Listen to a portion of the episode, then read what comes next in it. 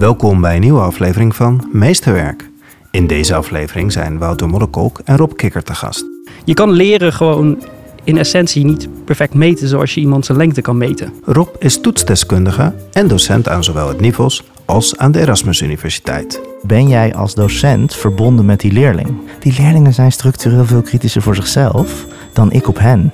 Wouter is docent in het middelbaar onderwijs en promoveert op leiderschap binnen ons onderwijs. Het getoetste leren wordt aangemoedigd en het ongetoetste leren wordt impliciet ontmoedigd. Gezamenlijk onderzoeken wij de zin en de onzin van toetsing.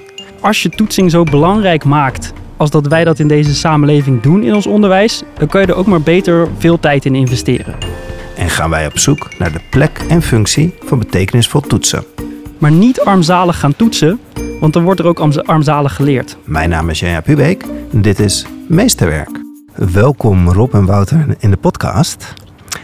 Wij zitten in de tuin van de Hogeschool Leiden. Dat gaat betekenen dat er allerlei bijgeluiden gaan komen voor de luisteraar. Dus dat kunnen zijn dat de studenten, medewerkers...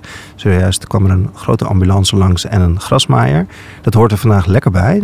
Ehm, Rob, even voor de luisteraar die jou misschien nog niet eh, als persoon kent. Misschien wel je artikelen of wat je doet. Kan jij even vertellen, wie ben jij en wat is een beetje jouw aandachtsgebied? Eh, ja, ik ben Rob Kikkert. Dus ik eh, werk op dit moment als eh, lerarenopleider aan de educatieve master primair onderwijs van de Erasmus Universiteit samen met het NIVOS.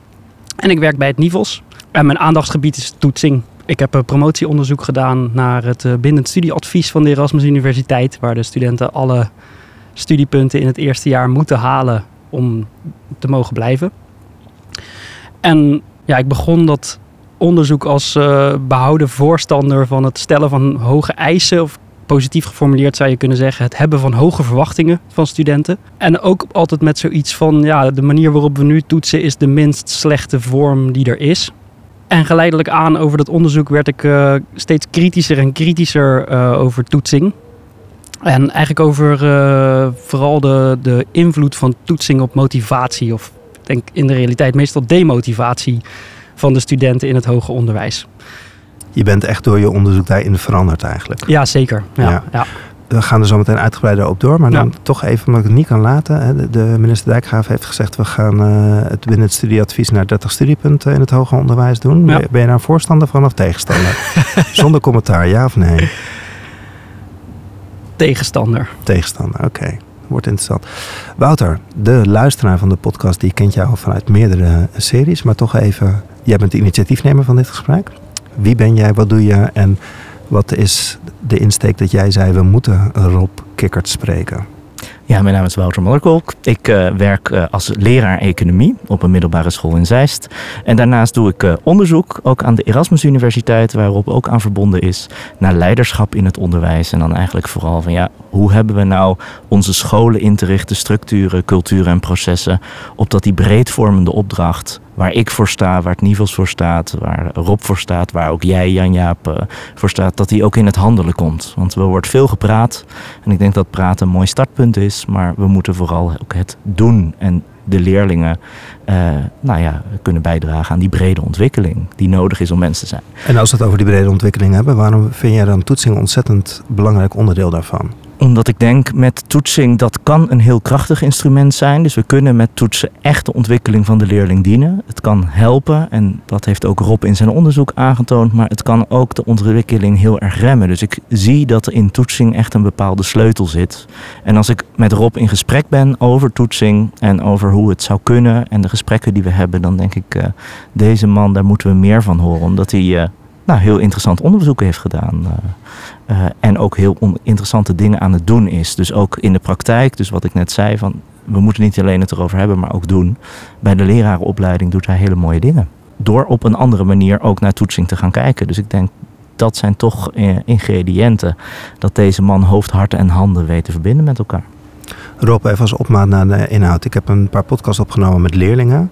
Uh, bijvoorbeeld de voorzitter van het LAX, die zei: toetsen is zweten, weten en vergeten.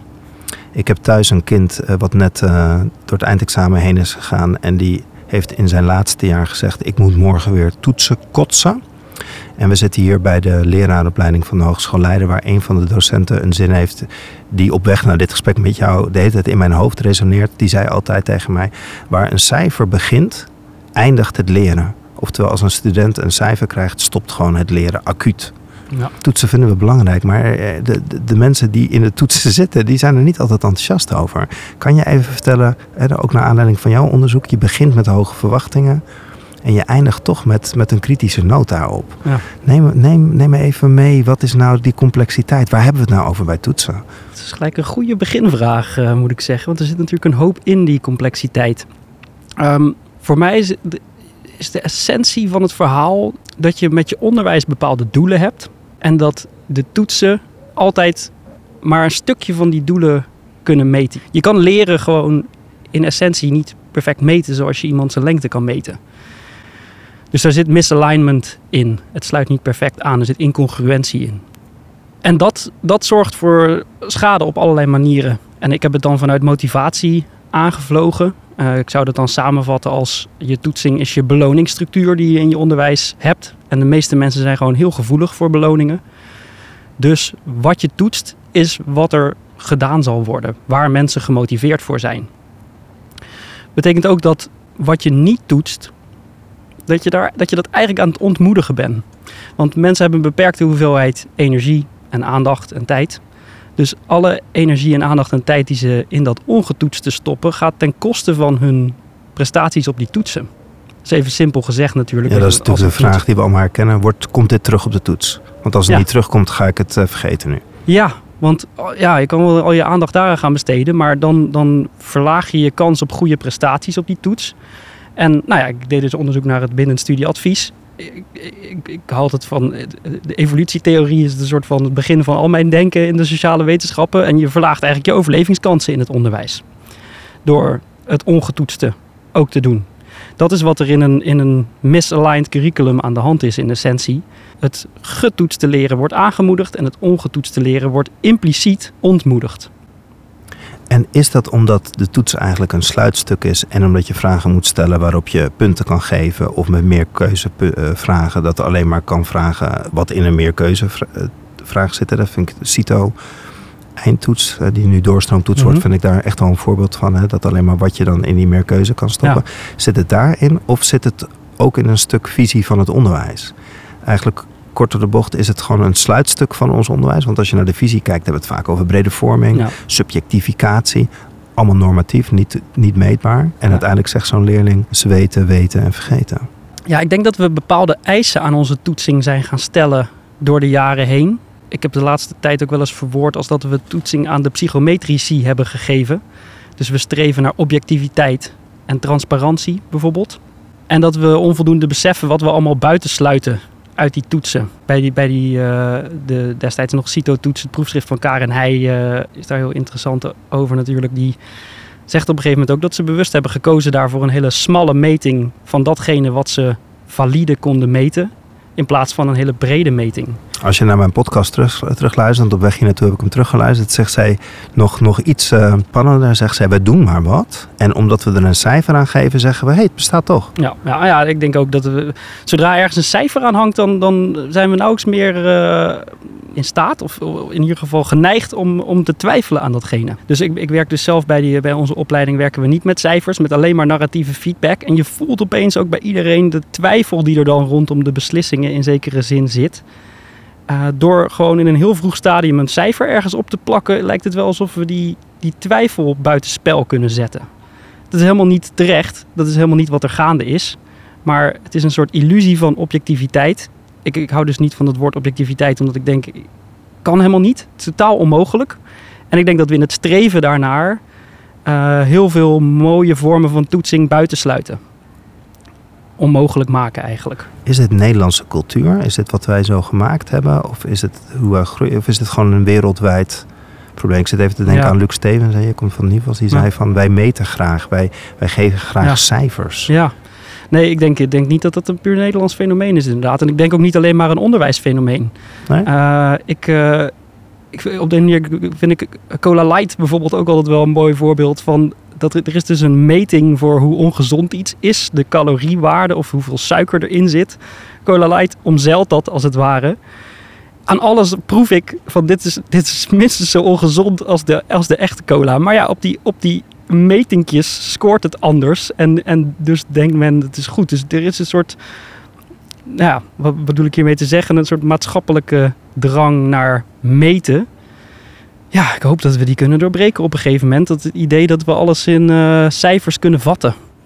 Jij vertelt uh, dat op de Erasmus Universiteit dat jullie bij jullie opleiding af zijn gestapt van het geven van cijfers. En je zei van ja, dat, dat, dat komt, gaat ook gepaard met, met twijfel van, van de beslissingen die je moet nemen. Ja. Kun je daar wat meer over zeggen? Van, van hoe gaat dat in de praktijk? Hoe ga je om met die twijfel? Studenten misschien vinden dat ook lastig, zijn ook ja. opgevoed in een systeem. Ja, nou, een voordeel van een student uh, narratieve feedback geven in plaats van een cijfer, is, dat benoemen ze ook zelf, dat ze minder het gevoel hebben, of niet het gevoel hebben met elkaar te worden vergeleken. Volgens mij doet dat wel iets met hun angstgevoelens daarover, maar het klopt dat er een bepaalde ja, onzekerheid in zit over is het nou goed genoeg.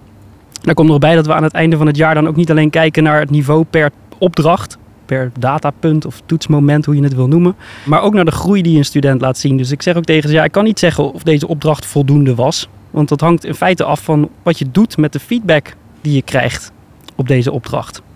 Dus later in het jaar, je, je gedrag daar bepaalt mede of, of dit een voldoende was dus. Nou, je doorbreekt daarbij eigenlijk dat... Nou, dat is voor mij ook een belangrijk probleem wat er in ons toetsen zit. Dat we voor elke toets een cijfer geven. En in het hoger onderwijs meestal dan ook studiepunten daaraan gerelateerd. Wat betekent dat elke keer dat je een student beoordeelt, je ook een beslissing neemt over die student. En dat betekent ook dat je eigenlijk nooit groei mee kan nemen in die beslissing, want elk los datapunt staat gelijk aan die beslissing. Bij ons uh, nemen we aan het einde van het jaar een beslissing over alle 60 studiepunten op basis van alle, alle beschikbare datapunten die we, die we dan hebben. En dat is een combinatie van een aantal dingen die wij verplicht stellen, opdrachten en, en stagegesprekken. Uh, en studenten kunnen ook zelf datapunten kiezen die zij waardevol achten om hun ontwikkeling aan te tonen. En, en hoe neem je dan uiteindelijk een beslissing dat, eh, want jullie leiden leraren op, uh, dat iemand bekwaam is om voor de klas te staan? Want als ik uh, bijvoorbeeld autorijlessen neem en ik word beoordeeld op mijn groei, maar ik rij nog steeds drie oude vrouwtjes aan uh, aan het einde van mijn traject, dan ben ik nog steeds een slechte chauffeur. hoe pak je dat aan? Want, ja. Nou ja, dat is sowieso belangrijk om niet alleen maar de groei te beoordelen, want dan heb je altijd wel de, de slimme studenten die denken, oh, dan moet ik eigenlijk aan het begin vooral heel slecht zijn en dan, ja, dan kan ik het best groeien. Dus het is een, een combinatie van, uh, van uh, het niveau wat iemand door het jaar heen laat zien en de groei die iemand laat zien. Dus wat doen ze met de feedback die ze krijgen? Zie je steeds dezelfde feedback terugkomen of zie je op een gegeven moment dat het, dat het omslaat en dat juist misschien uh, dingen waar eerst kritische feedback op kwam, dat dat dan dat dat positieve punten worden? Maar hoe je dat doet uiteindelijk is dus niet streven naar objectiviteit, maar naar intersubjectiviteit. Dat is het hoogst haalbare. En wat houdt dat in, intersubjectiviteit? Nou, dat er dus aan het einde van het jaar twee mensen onafhankelijk van elkaar, twee docenten van onze opleiding onafhankelijk van elkaar, naar, het, uh, naar alle feedback kijken die een student door het jaar uh, heen gehad heeft. We hebben dan eindtermen opgesteld en per eindterm is er dan dus feedback verzameld. En dan ieder een beslissing nemen onafhankelijk van elkaar van ja, ik denk dat deze uh, eindterm op voldoende niveau is aangetoond. Dus nogmaals, combinatie van het niveau en de groei die is laten zien. Als ze het met elkaar eens zijn, dan, nou, dan, is, er, dan is het duidelijk. Uh, als ze het met elkaar oneens zijn, dan moet je er een extra beoordelaar bij halen, een derde persoon. In de tussentijd overigens gaan we ook nog met studenten daarover in gesprek. En wat doet dit met studenten? Want ik kan me voorstellen dat daar ook onzekerheid ja. uh, bij is. De, de, mooiste samenvatting daarvan, denk ik, die ik dit jaar heb gehoord. Nou ja, ik heb er net al eentje gezegd die, die mij heel blij maakte. Van ik heb het gevoel dat ik met mezelf vergeleken word in plaats van met anderen. Uh, maar de mooiste samenvatting was denk ik iemand die zei... Ik vind het heel fijn dat we geen cijfers krijgen. En ik vind het heel lastig dat we geen cijfers krijgen. Ze zijn wel duidelijk ook uh, jarenlang grootgebracht in een systeem... waar constant aan ze verteld wordt... Ja, dit is voldoende. En ten opzichte van elkaar. Hè? Daar, daar, is die eindtoets natuurlijk, het, hè, dat blijkt ook uit het onderzoek van ja. Karen Heij. Het ene jaar kan je naar de HAVO, het andere jaar kan je naar het VWO. Het andere jaar met dezelfde uitkomst kan je naar het VMBO. Hè? Dus je ja. wordt ten opzichte van elkaar ingedeeld. Ja. Dat ja. voelen studenten ook gewoon letterlijk in jouw colleges en jouw, jouw opleiding. Herken jij dat beeld? Ja, dat gevoel heb ik wel echt inderdaad. Ik moet ook zeggen, dat is een, het is ook een kleinschalige opleiding. We hopen meer, mensen te, meer studenten te krijgen want we hopen iets te doen aan het lerarentekort. Maar we hadden maar negen eerstejaars. Dat moet ik er heel eerlijk bij zeggen. En dat was heel prettig om, om dit uit te kunnen proberen. Dus wij, wij kennen ze ook echt. We zien ze ook echt als personen. Ja. Um, Critici zeggen: Ja, maar Rob, uh, je gaat een, uh, een relatie aan met die student en je vindt hem misschien wel aardig en iemand anders minder aardig. Dat gaat een enorme bril geven in jouw beoordelingen. En een toets, een onafhankelijke toets, hè, die. Als je het hebt over kansenongelijkheid, wordt het vaak gezegd. Hè, die krijgt een, die, dat kind of dat, die student krijgt een eerlijke kans. Ja, ja klopt. Ik snap, ik snap dat kritiekpunt inderdaad. Dat is ook zeker iets waar je heel erg op moet letten in, in, een, in deze andere wijze van beoordeling. Uh, alleen ik denk wel dat dat in die pogingen om dat te niet te doen, dat er zoveel meer goeds wordt vernietigd aan, aan het onderwijsproces, dat het dat offer niet waard is, als het ware. En daar staat er komt nog bij dat er ook een positieve kant aan zit. Want ik ken die studenten gewoon ook veel beter dan ik ze zou kennen via middels, uh, middels alleen maar dat geschreven werk, die, die eindopdracht die ze hebben gedaan, of dat, die ene les die ik van ze observeer, of dat stagegesprek wat er gevoerd wordt. Dus dat kan ook heel erg in het voordeel van studenten werken, niet alleen maar in hun nadeel. En het kan ook heel erg in het voordeel werken van een goede beslissing die je neemt. En eigenlijk zeg je ook iets heel belangrijks van in die oude manier van toetsen zit zoveel slechts. Dat zit ook in, in deze, alleen het is gewoon echt beduidend minder slecht. Ja, dat denk ik wel, ja. Ik zou dan slecht misschien willen, ook weer willen aanpassen, want uh, het, toetsen is subjectief natuurlijk in elke vorm dan ja. ook. Want welke vraag je kiest maakt ook uit. Uh, Jan-Jaap haalde net critici aan die natuurlijk uh, kunnen zeggen, ja je kent ze, hoe kun je dan een, een, goede beslissing nemen? Daar heb je denk ik een heel mooi antwoord op gegeven. Uh, andere critici zullen zeggen, ja hartstikke leuk de manier waarop je dit doet, maar dat kost gewoon ontzettend veel tijd. Ja. En ik, zit, ik werk zelf in het voortgezet onderwijs. Um, hoe kan op zo'n manier kijken naar de leerling, even als we dat centraal examen niet zouden hebben, want daar zitten gewoon cijfers in. Hoe kunnen we dat dan toch meenemen in het voortgezet onderwijs, in misschien het primair onderwijs. Maar laten we even het voor VO gebruiken. Geef jij cijfers, uh, Wouter? Uh, steeds minder. Um, op een gegeven moment wel, omdat er op een gegeven moment cijfers ook moeten gegeven worden. Uh, omdat daar, ik moet van de wetgever in ieder geval één schoolexamencijfer geven. maar ik laat ze heel erg zelf cijfers geven. Dus jij zit ook op deze lijn die Rob onderzoekt? Absoluut, maar ik, ik, ik worstel ook met de vraag, en daar komt mijn vraag aan Rob vandaan. Van ja, ik doe het op een andere manier. Ja, dat kost mij tijd. Maar ik vind het de moeite waard en ik doe andere dingen niet, want ik zit niet eindeloos na te kijken. Maar ik wil ook mijn collega's meenemen daarin. Ja. Want die vinden het vaak heel idyllisch wat ik doe. En die zeggen, ja, maar je hebt met drie klassen. Ja, dat klopt, want ik schrijf ook nog, doe ik nog onderzoek. Dus ja. ik heb nog andere dingen te doen. Dus daar ben ik benieuwd om, om van jou te horen. Hoe, hoe kunnen we de collega's meenemen die denken van, ik heb het al zo druk? Nou ja, ik denk wel dat, je moet ook eerlijk zijn, goed toetsen kost tijd. Ja, dus daar, daar moet je denk ik allereerst eerlijk in zijn. Ik denk wel ook dat als je goed toetst, dat het dus veel meer onderdeel wordt van je onderwijs. En bijvoorbeeld bij ons merkte ik dus afgelopen jaar ook dat studenten echt iets deden met de feedback. Terwijl wat ik gewend ben, is de situatie waarin je een voldoende geeft aan een student. En van al die studenten die je voldoende hebben, 90% kijkt niet eens naar hun feedback. Terwijl nu kijken ze er wel naar. Dus het voelt veel waardevoller ook de tijd die je erin steekt. En het is eigenlijk geen toetstijd meer, het is gewoon onderwijstijd geworden. Nou, ik zou eigenlijk zeggen, als je toetsing zo belangrijk maakt als dat wij dat in deze samenleving doen in ons onderwijs, dan kun je er ook maar beter veel tijd in investeren. En dan maar iets minder lesgeven bijvoorbeeld of iets dergelijks, elders die tijd vandaan halen. Maar niet armzalig gaan toetsen, want dan wordt er ook armzalig geleerd. Ja, aan het begin gebruikt het woord uh, congruentie. Nou. Kan, je, kan je dat hier nog even in plaatsen? Want hoe ik jouw artikel heb gelezen is dat je eigenlijk een integrale benadering van onderwijs voorstaat. Waarin het onderwijs wat je geeft, maar ook je toetsing dat daar een onderdeel van is. Ja. Uh, ik las het ook terug in, de, in dat mooie boek van Bista over de school als vrijplaats. Hè, van, Mhm. um, dat daarin zit, zit toetsing is niet iets wat je aan het eind nog eens een keer uh, gaat doen. Maar Nee. het, het, het, het is helemaal, ja, integraal is toch het woord. Ja. En jij gebruikt het woord congruentie. Dat vind ik- mooi. Kan je dat nog iets meer duiden hoe jij dat ziet? Ja, nou ik ben het met Bista eens dat je altijd moet beginnen vanuit je, je doelen of je intenties. Eh, en dat je eigenlijk wil dat, dat al het overige wat je doet in je instructies en in je toetsing daar zo goed mogelijk bij aansluit. Ja, heel in het kort komt het daar eigenlijk op neer. Ik denk eigenlijk heel simpel, hè, als je het zo zegt. Ja, ja en, dan, en dan kan ik het gelijk moeilijker maken door dus al te stellen, wat ook, ook Bista overigens zegt. Je hebt niet één doel. Je hebt verschillende doelen en die doelen kunnen ook strijdig zijn met elkaar. Dus die toets die ik, die ik eh, afneem kan misschien eh, heel waardevol zijn voor het ene doel, maar het andere doel in de weg staan. Ja, ik gebruik daar bijvoorbeeld zelf wel eens. Ik gaf studenten dit jaar een vak waarin het over eh, toetsing ging. En daarbij heb ik enerzijds het doel om, ze, om hun interesse te wekken en, en hun, hun eigen interesse daarin te vinden. En anderzijds eigenlijk het doel om bepaalde kerninzichten die ik zelf heb opgedaan aan ze over te brengen. Maar als ik ga werken aan dat overbrengen van mijn kerninzichten, gaat dat waarschijnlijk ten koste van hun interesse. Want zij zullen niet hetzelfde interessant vinden als ik. Dus dat zijn twee, denk ik, prima doelen die ik kan hebben. Uh, wanneer als ik eraan werk, uh, ja, ze, ze, elkaar ook in de weg zullen staan. En als je ze, dat geldt dus ook voor het toetsen. Uh, een toets kan heel geschikt zijn voor het ene doel en heel goed passend daarbij, maar dan weer conflicteren met een ander doel.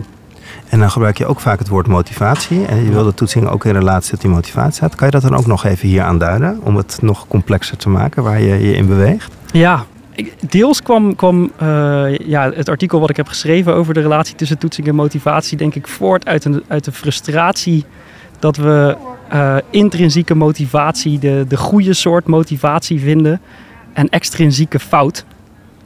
Dat wordt nooit zo letterlijk, of bijna nooit zo letterlijk gezegd, hoewel het soms wel eens gebeurt. Dat voelt een beetje als blaming the victim voor mij.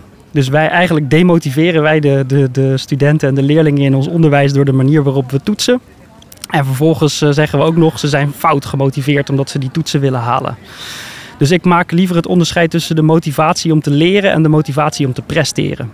En eigenlijk op het moment dat je perfect je doelen zou kunnen meten, dat is een totaal uh, onmogelijke situatie uiteindelijk in de realiteit. Maar als dat zou kunnen, dan zou iemand die gemotiveerd is om te presteren hetzelfde gedrag vertonen als iemand die gemotiveerd is om te leren. Alleen doordat die meting imperfect is, ontstaat er eigenlijk een verschil in gedrag. En om je overlevingskansen in dat, in dat onderwijssysteem te vergroten, is het adaptief in dat systeem om gemotiveerd zijn om te presteren. En dus alleen maar datgene te doen wat je moet doen om je kansen op goede prestaties op die toetsen te vergroten. Die motivatie om te leren, daar zit dan dus ook een stuk bij dat je ook het ongetoetste wil leren. Um, gelukkig zijn er, zijn er ook volop studenten die dat doen, maar um, het wordt niet aangemoedigd in ons systeem. Nee, Wouter, jij, jij, jij doet onderzoek naar leiderschap, je beluistert het. Mm -hmm. Ik denk uh, onderwijs op de schop, opnieuw uitvinden. We zitten, we zitten in een verkeerde groef. Dit is, toch, dit is toch vanuit die essentie denken, vanuit, het, vanuit de leerling, vanuit de lerende, vanuit visie. Ja, dat denk ik ook wat je zegt. Um, we, hebben, we, we, hebben de structuren zo ingericht dat inderdaad de focus ligt op, op, op de metingen die we, die we met elkaar doen. En wat hierin in dat systeem ontbreekt, is de mens. De mens die, die lerend is. En dat vond ik ook mooi in, in jouw stuk om dat onderscheid te maken tussen leren en presteren. Ik denk dat dat. Uh, ik herken dat heel erg uit mijn eigen situatie. En de zoektocht is steeds. En ik denk ook niet dat daar een blauwdruk voor is. Nee. Door te zeggen we moeten zo het onderwijs inzetten. Want het gaat denk ik tussen die leraar die jou weet aan te spreken. Want we weten allemaal uit onze eigen onderwijstijd dat je leraren hebt voor wie je, die jou zo enthousiast weten te maken voor iets, zo weten te motiveren, dat jij doorgaat. En ik haakte net nog wel aan op jouw punt aan het begin van dit gesprek van de hoge verwachtingen. Dus we hebben hoge verwachtingen en de Erasmus Universiteit toren hoge verwachtingen door te zeggen: jij moet elk studiepunt halen wat er te halen valt. Maar anderzijds zijn die. En dus daarmee klonk een beetje de hoge verwachting als iets negatiefs. Maar ik vind het eigenlijk ook heel belangrijk om, om wat te verwachten van mijn leerlingen. Dat nee, ik vind hoge verwachtingen, dat, dat, ja, dat denk ik heel belangrijk. Uh, ik, ik stel het volgens mij daar ten opzichte van hoge eisen. Dat vind ik dan de negatieve variant. En het is ook niet gelijk aan het hebben van verwachtingen. Je vroeg me aan het begin uh, van de 30 studiepunten. Jazeker. Uh, ja, ik vond het bijna onmogelijk om daar ja of nee op te zeggen. Omdat het afhangt van je doel dus of dat een goede maatregel is. Maar ik denk wel dat als je een BSA van 30 studiepunten gaat instellen, dat je impliciete boodschap ergens ook is: 30 studiepunten is genoeg. Dus dan zou ik eerder geen BSA. Dat was waarom ik nee zei. Dan zou ik eerder geen BSA hanteren dan eentje van 30. Dat blijkt ook altijd dat er een, een groep studenten is die, zodra ze die, die drempelwaarde bereikt hebben, gewoon denken: Nou, mooi, vakantie. Lang leven de lol. ja. Maar is het niet gewoon dat we het onderwijs te veel gejuridiseerd hebben? Dus dat we dingen hebben willen dichttimmeren. Terwijl eigenlijk moet je met die student waarvan je denkt: Dit gaat het hem niet worden gewoon een goed gesprek voeren. Van joh, waarom doe je deze studie? Dus ook weer de intentie bij die, bij die studenten aanspreken. Ja, ja, gejuridiseerd zeg je inderdaad. Ja, ik, ik denk dat er nog meer, meer bij zit. Maar um, het hangt een beetje samen met jouw eerdere punt over eh, die subjectiviteit die erin zit. En of dat dan een probleem is van ja, dat pakt wel eens verkeerd uit. Eh, de subjectiviteit pakt wel eens verkeerd uit. Omdat er leraren zijn die, de, die daar foute dingen mee doen. Uh, bewust dan wel onbewust. En dan gaan we maatregelen nemen om dat uit te bannen, die risico's. En dan zijn we ons denk ik onvoldoende bewust van wat we verder dan nog allemaal uitbannen met die Mhm. maatregelen. En dan Ik vind- komen er eigenlijk dingen bij. Hè? Ik, ik woon in Amsterdam en dan heb je dan ook een wethouder die dan zegt gelijke kansen. Hè? Dus Ja. dat komt er nog weer bij, want Ja. elk kind moet dan diezelfde kansen hebben. Ja. En dan wordt het nog weer. Hè? Dus juridiseren is misschien niet het goede woord, maar hè, en, en we, we stoppen er allemaal dingen bij om het zo objectief mogelijk voor iedereen te maken. Dat is natuurlijk ook een argument wat vaak gebruikt wordt voor die eindtoets of door, doorstroomtoets. Dat dat inderdaad beter is voor de kansengelijkheid. Ehm, ja, maar ik denk wel dat het heel problematisch is als je eigenlijk de kansen van iedereen dan heel erg verlaagt. Om, om gewoon plezier te hebben in het leren bijvoorbeeld. Eh, ja, die, die toets bepaalt veel van wat er gedaan moet worden op de basisscholen tegenwoordig. En ik denk dat we het allemaal eens zijn dat het belangrijk is dat het niet uitmaakt in welk nest je bent geboren, dat je gelijke kansen hebt. De vraag is of de manier waarop we de dingen nu hebben ingericht bijdraagt aan die bredere intentie die we, die we hebben. Want Ja. hoe zien jullie dat bij studenten op het moment dat je een gesprek voert, dat het met een student niet lekker gaat? Zie Ja. je dan dat die student zegt, ja, maar eh, ik heb ook geen vier gekregen. Eh, wees eens duidelijk eh, in de feedback. Hoe, hoe ontvangt die student dat? Ik heb ze heel goed meegenomen, geprobeerd mee te nemen in, in het waarom we op deze manier toetsen. Je bedoelt nu bij onze opleiding? Ja, toch? Absoluut, want jullie doen het. En ik denk dat dat heel erg geholpen heeft. Dat ik ze daarin meegenomen heb in het waarom. En dat ze ook wel overtuigd waren van dat het eh, anders moest dan dat ze het gewend waren. Maar er zit, daar zit inderdaad wel een bepaalde eh, vorm van, eh, van spanning in natuurlijk voor studenten. Van ja, is het dan nu goed genoeg? Ja, daar moet je ook weer het gesprek met ze over blijven aangaan. En dus ook weer aangeven van ja, in ons systeem kan ik dat nu oprecht nog niet zeggen. We hebben eh, portfolio coaches die met ze kijken naar, naar het bewijs wat ze verzameld hebben in hun portfolio. En dat met ze bespreken ook niet kunnen gaan zeggen van ja, dit is goed. Maar samen in gesprek zie je meestal wel van nou, het lijkt erop dat binnen deze eindterm aan dit en dit heb je nog wel wat te doen. En dit lijkt je wel al behoorlijk hebben aangetoond, dus ga, ga, ga zo verder daarmee. En op deze heb je bijvoorbeeld nog helemaal geen bewijs, dus daar moet je zeker eh, mee aan de bak. Ja, en verder ja, was er bijvoorbeeld ook één student bij ons, ja, waar ik kan het dus niet helemaal zeggen wat voor cijfers die aan het begin van het jaar gehaald zou hebben, maar dat zou zomaar eh, zouden dat onvoldoendes kunnen zijn geweest. En aan het einde van het jaar dan bijvoorbeeld negens, als die voor die losse opdrachten. In het klassieke systeem zou die dan dus ook nog moeten gaan herkansen eh, voor die eerste opdrachten alsnog, maar bij ons hoeft dat niet, want het, het ra- raakt aan dezelfde eindtermen. Dus hij heeft met die latere opdrachten eigenlijk al herkanst voor de eerdere blokken. En ja, we hebben gewoon volste vertrouwen in dat het een hele goede leraar eh, gaat worden. De kijker kan je niet zien, maar je, je glimt ook bij die voorbeelden die je vertelt. Hè? Ehm, maar waar knelt het nou voor jou als docent? Waar is het nou lastig in? Want Nou, er wordt vaak binnen toetsen dat onderscheid gemaakt tussen de beslisfunctie en de leerfunctie. Knellen, ja, nou, het knelt daar ergens in dat wij hebben eh, het heel erg vanuit de leerfunctie ontworpen. Dus te proberen de studenten echt gemotiveerd te krijgen om zich te ontwikkelen tot academische leerkracht. Maar door geen cijfers te geven of ook niet per opdracht, of ja, het heette dus datapunten bij ons, eh, te zeggen, ja, dit is, dit is voldoende. Of ook dan niet per eindterm aan te geven, van op deze eindterm scoor je nu een voldoende. Ja, maak je het, maak je het ergens moeilijk. Nogmaals, eigenlijk denk ik omgedraaid. Door dat wel te doen, creëer je een illusie van zekerheid. Eigenlijk gooi je gewoon vooral heel veel informatie weg per stukje toets. En wij kijken juist aan het einde van het jaar. En ja, ja, alsnog gooi je informatie weg als je, als je het omzet in je hebt je 60 studiepunten wel of niet in feite. Maar op een ander moment. het is echt een integraal onderwijssysteem. Hè? Een, een curriculum integraal ontworpen in zijn geheel. En je bekijkt hem ook vanuit het geheel. Hè? Ja, ja dat is zeker de, de insteek. Maar dan moet je eigenlijk ook zeggen dat je radicaal om moet. Je kan dit niet een beetje doen. Hè? Wat Wouter net zegt, van ik probeer steeds minder te toetsen. Je moet eigenlijk je hele curriculum opnieuw inrichten. Je kan niet een beetje minder gaan doen. eh. Ja, dat wordt vaak gezegd binnen dat eh, het programmatisch toetsen is, is dit dus. Ik weet dat nooit zo goed. Ik, vind, ik ben altijd bang dat dat ook in de weg staat van dat mensen ook gewoon al kleine dingen beter gaan doen.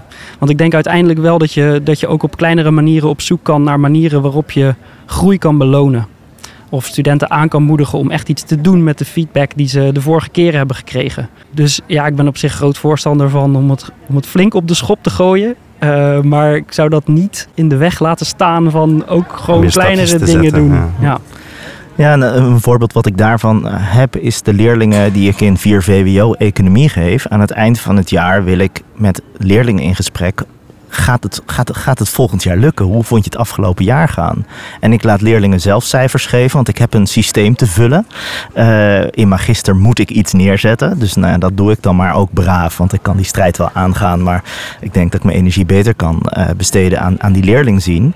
En wat ik ook met leerlingen heb gedaan, is ik laat ze zelf hun rapportcijfer bepalen. Eh, ze moeten dat ook beargumenteren. Waarom geen cijfer hoger, waarom geen cijfer lager? En aan het eind van het jaar moeten ze ook opgeven van hoe kijk je naar volgend jaar? En wil je een gesprek met mij over volgend jaar? Omdat je denkt, hé, hey, ik maak me zorgen.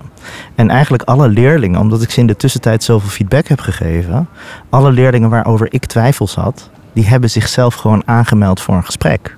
Ja. En met de leerlingen waarvan ik dacht, jij wordt niet gelukkig volgend jaar bij mijn vak. Ja. Die zijn zelf uit eigen beweging, hebben ze gezegd, ik stop ermee. Of ik ga naar HAVO, eh, wat ook een prachtig onderwijssoort is, waar je weer andere mogelijkheden hebt. Dus ik denk dat het gaat, en dat hoor ik ook in jouw verhaal, dat het gaat van ben jij als docent verbonden met die leerling? En zie jij die leerling, en je kunt nooit een leerling helemaal zien, want daarvoor hebben we ook gewoon te weinig tijd, maar dat dat steeds de zoektocht is binnen het systeem. Ja, maar Wouter, ik ga En- toch even, even door op jou, wat, je, wat jij nu zegt. Jij bent teamleider geweest. Je bent Ja. verantwoordelijk geweest voor het rooster. Je hebt ook gewoon een, een docententeam gehad. Daar wordt ook iemand ziek. Daar wordt iemand Mhm. eh, ge- zwanger of gaat verhuizen en zegt de baan op. We hebben een lerarentekort. En dan, dan zit je met je integrale onderwijssysteem waarin we naar dit hele, hele leerling kijken. En dan zit je halverwege het jaar, eh, is, is, is Rob er eh, niet. En, en Ja. ben jij als teamleider, moet je daar nieuw iemand zetten. Is het ook niet een beetje een utopische roze bril wat je nu beschrijft? Nou, ik denk dat je heel goed moet kijken van hoe kunnen we dingen overdraagbaar maken. En ja, daar zit een risico aan. Maar er zitten ook risico's aan het geven van cijfers. En we denken, oh, dan hand, eh, he- hevel ik het dossier over. En die voeg ik in magister aan die nieuwe docent toe. En die weet dan, hé, deze leerling heeft allemaal vieren gehaald. Maar dan nog steeds zit je met het punt van waar is dat kind eh, en waar is die leerling? Ja, maar hoe dan? door met elkaar als team ook rondom die leerling te staan. Het is nooit zo dat een heel team ziek wordt. Eh, en natuurlijk, als die docent wiskunde, want dat zijn nou eenmaal vakken die we belangrijk eh, vinden in het onderwijs, want eh, die tellen heel zwaar mee. Er zit altijd een risico aan. En dat hoor ik ook in Rob's verhaal. Van ja, we kunnen het mis hebben, dus we moeten ook met die leerlingen in gesprek zijn. Wat ik met mijn manier van cijfers geven heb ontdekt, is leerlingen zijn veel kritischer op zichzelf dan ik op hen. Want natuurlijk geef ik hen, ik heb een schaduwlijstje waarvan stel dat ik ze een rapportcijfer moet geven, wat zou ik ze geven? Die leerlingen zijn structureel veel kritischer voor zichzelf dan ik op hen. Die ik ga toch even door, want jij bent daar die teamleider. Ja, Ja. Je, je hebt dat, dat team ingericht en je hebt Ja. die visie helemaal geïmplementeerd. Je bent aan de slag, je bent met die, met die leerlingen bezig. Je hebt ook kritische ouders, eh, weet ik uit een eh, eerdere... En die komen dan, ja maar Wouter, van eh, mijn dochter moet haar eigen cijfer geven. Ben jij helemaal van de pot gerukt? Hè, jij bent hier de, hè, de- Ik wil wel dat zometeen mijn dochter gewoon slaagt voor het eindexamen, want... Dan leg ik het ze uit. En wij hebben ook het geluk als school dat we hele hoge slagingspercentages hebben. Want we hebben inderdaad ook dat systeem aan de andere kant. Aan het eind, eh, in het examenjaar wil je ook dat ze dat examen halen. Dus daar proberen we ze ook op voor te bereiden. En dat doen we in het laatste jaar. Maar moet je dan al die jaren daarvoor ze in datzelfde systeem eh, neerzetten? En dat is ook een, een, een vraag ook wel die ik, die ik eh, ontmoet. De druk van andere krachten die iets anders belangrijks vinden. En dat is ook de vraag die ik aan Rob zou willen stellen. Van jullie doen dit in de opleiding. Hoe kijkt jullie examencommissie? Want ik neem aan dat je misschien onderdeel uitmaakt van een grote examencommissie. Hoe kijkt die naar jullie manier van werken? En hebben die niet ook die kritiekpunten die ook net Jan Jaap eh, bracht? Nou, die zijn echt heel ondersteunend geweest. Dat is echt heel fijn. Die vinden het ook spannend, maar die zien het wel als iets heel, eh, een heel waardevol experiment, zou je kunnen zeggen. Ik denk dat, dat zij ook inzien dat, dat je veel rijkere informatie hebt om een beslissing op te baseren als je het baseert op al die informatie uit het hele jaar, in plaats van steeds per los stukje informatie een beslissing te nemen. Ik denk dat ze ook wel inzien dat niet alleen maar de motivatie van studenten positief beïnvloed wordt, maar ook de beslisfunctie van de toetsen gediend wordt hiermee uiteindelijk, als je het goed doet. Maar ze stellen dus uiteraard wel eisen aan, Eh, dat onze docenten goed getraind zijn, dat onze feedback van hoge kwaliteit is, dat die besliscommissie aan het einde van het jaar die die beslissingen neemt goed getraind is en dat er calibratiesessies en dergelijke hebben plaatsgevonden, dat er vanuit de toetscommissie borging is van hoe het gedaan wordt. Die zijn, die zijn uh, ja, de, de, de, modieuze term tegenwoordig is critical friend daarin, uh, zou ik zeggen. Maar wel, ik vind, ze, vind het heel fijn dat ze gelukkig wel enthousiast waren om dit te doen. En ik denk ook wel dat het daarbij belangrijk is om te beseffen dat het ook is omdat het echt past bij onze opleiding. Wij stellen heel erg de, de hele leraar en de hele mens achter die leraar centraal. En ik zeg ook daarboven, daarbovenop nog steeds, wij geven door hoe wij toetsen ook les in toetsing. En dat is natuurlijk bij een lerarenopleiding nog een soort extra factor die erin zit. Dus door studenten nu te leren zichzelf te evalueren, leren ze hopelijk op den duur ook beter en betere manieren om hun leerlingen in hun klasse te evalueren. Ja. Waar mensen bang voor zijn, is dat we maar wat aanrommelen. En uh, Adriaan de Groot die had natuurlijk ook tegen het onderwijs die aanklacht dat het kind van de melkboer automatisch ook uh, naar een praktisch onderwijs moest. En het kind van de notaris kon ja. uh, naar de universiteit. Dat willen we niet. Dus door onze processen op zo'n manier in te richten dat we zuivere processen hebben, dat we ook bewust zijn dat we een blinde vlek hebben. Want die hebben we, want we zijn mens. Uh, en een toets heeft een hele grote blinde vlek. Alleen daar zijn we ons dan weer niet van bewust. Dat is dan misschien onze blinde vlek als onderwijs zijn. Dat we die op een manier inrichten dat we ruimte bieden voor die hele ontwikkeling van dat kind. En dat vraagt leiderschap, dat vraagt ook moed. Uh, Bista uh, schrijft niet voor niets het prachtige risico van onderwijs, want daar gaat dit over. En dat we ook hebben te accepteren dat het wel eens een keer fout kan gaan. En als het fout gaat, moeten we ook weer een proces hebben. Hoe gaan we daarmee om? En als je in dialoog bent met die student, met de leerling, met ouders, afhankelijk van de leeftijd van, van de betreffende lerende, dan denk ik dat we een heleboel kunnen ondervangen daarmee. Jij stond van de zomer bij Vrij Nederland, uh, een grote uh, artikel hè, ja. hier eigenlijk op.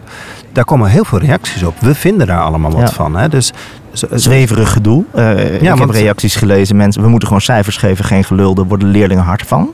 Ja. Hoort erbij. En wat, waar ging dat artikel over en wat voor reacties krijg je daar dan op? Kan je dat even heel kort het, schetsen? Het artikel ging heel erg uh, in op de vraag waarom geven we eigenlijk cijfers? Waarom zijn we cijfers gaan geven? En eigenlijk dat heeft Rob net ook prachtig weergegeven. Uh, en hoe kan het anders? Um, en wat ik denk dat we met uh, het geven van cijfers doen, wat Rob ook zegt, is we plaatsen eigenlijk het onderwijsproces buiten het individu, buiten het individu van de leraar, buiten het individu van de leerling of student. En wat we willen is dat die leerling, die student, zijn eigen weg ook gaat lopen en dat daar ook ruimte is om binnen de kaders, want ik wil heel graag dat mijn chirurg uh, wel bepaalde vaardigheden heeft, maar dat hij ook ruimte heeft om op zijn manier chirurg te zijn of uh, huisarts of leraar. Um, en hoe, hoe doen we dat? En dat gaat ook over onzekerheid. En dan zie je in reacties op LinkedIn, waar veel is gereageerd, uh, dat daar hele flinke verschillende meningen zijn. En eigenlijk zouden we eens een podcast moeten maken op een paar van die meningen van, van mensen op dat artikel.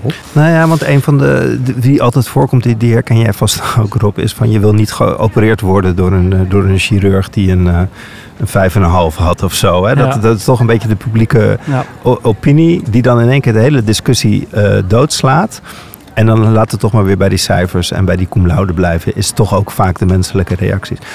Als we nou integraal, congruent, zoals jij zo mooi uh, dat woord gebruikt, ik vind het echt schitterend woord trouwens. Um, maar uh, wat hebben we dan met elkaar te doen? Of hoe, hoe gaan we die kant op? Hè? Want je zegt van, hè, wij zijn nog een kleine opleiding. Wouter zegt van ja, mijn leerlingen die, die komen er misschien ook wel zonder school uh, aan die examens. Hè? Dus dat zijn misschien toch ook nog wel mooie proeftuinen. Maar die, hè, Nederland is groter dan een mooie proeftuin. Wat, hebben we nou met elkaar te doen? Hoe gaan we daar komen? Ja, allereerst dus heel, uh, veel, nou, heel helder zijn over je doelen in je onderwijs. Ja, wat ik ook heel erg uit het proefschrift van Karen Heij haalde, is dat het in het basisonderwijs die doelen, in ieder geval de pedagogische doelen in het onderwijs, helemaal niet zo helder zijn. Dus zolang je die niet helder hebt, kan je ook niet bepalen of jouw toets aansluit bij die doelen. Dus zit je sowieso al met een groot probleem. Waartoe dient ons onderwijs? Dat blijft toch de centrale vraag. eh, in ieder geval de, de eerste vraag, zou ik zeggen, die je, die je helder moet hebben. En vervolgens kan je bekijken hoe je zo goed mogelijk aan kan sluiten bij die doelen. En ook eerlijk zijn over welke delen van die doelen in het gedrang zullen komen met bepaalde vormen van toetsing. En proberen daar vervolgens de schade voor te beperken. Ik vind overigens in het voorbeeld wat jij net noemt, Wouter, van eh, eh, de cijfers die je samen met studenten bepaalt. daar zit natuurlijk zit een, wat ik daar vooral uithaal is dat je de student, of je leerlingen moet ik zeggen, daarmee veel meer als eh, gelijkwaardige behandelt. Dat kan ook een, een doel zijn. Je kan een emancipatoire doel hebben met je onderwijs.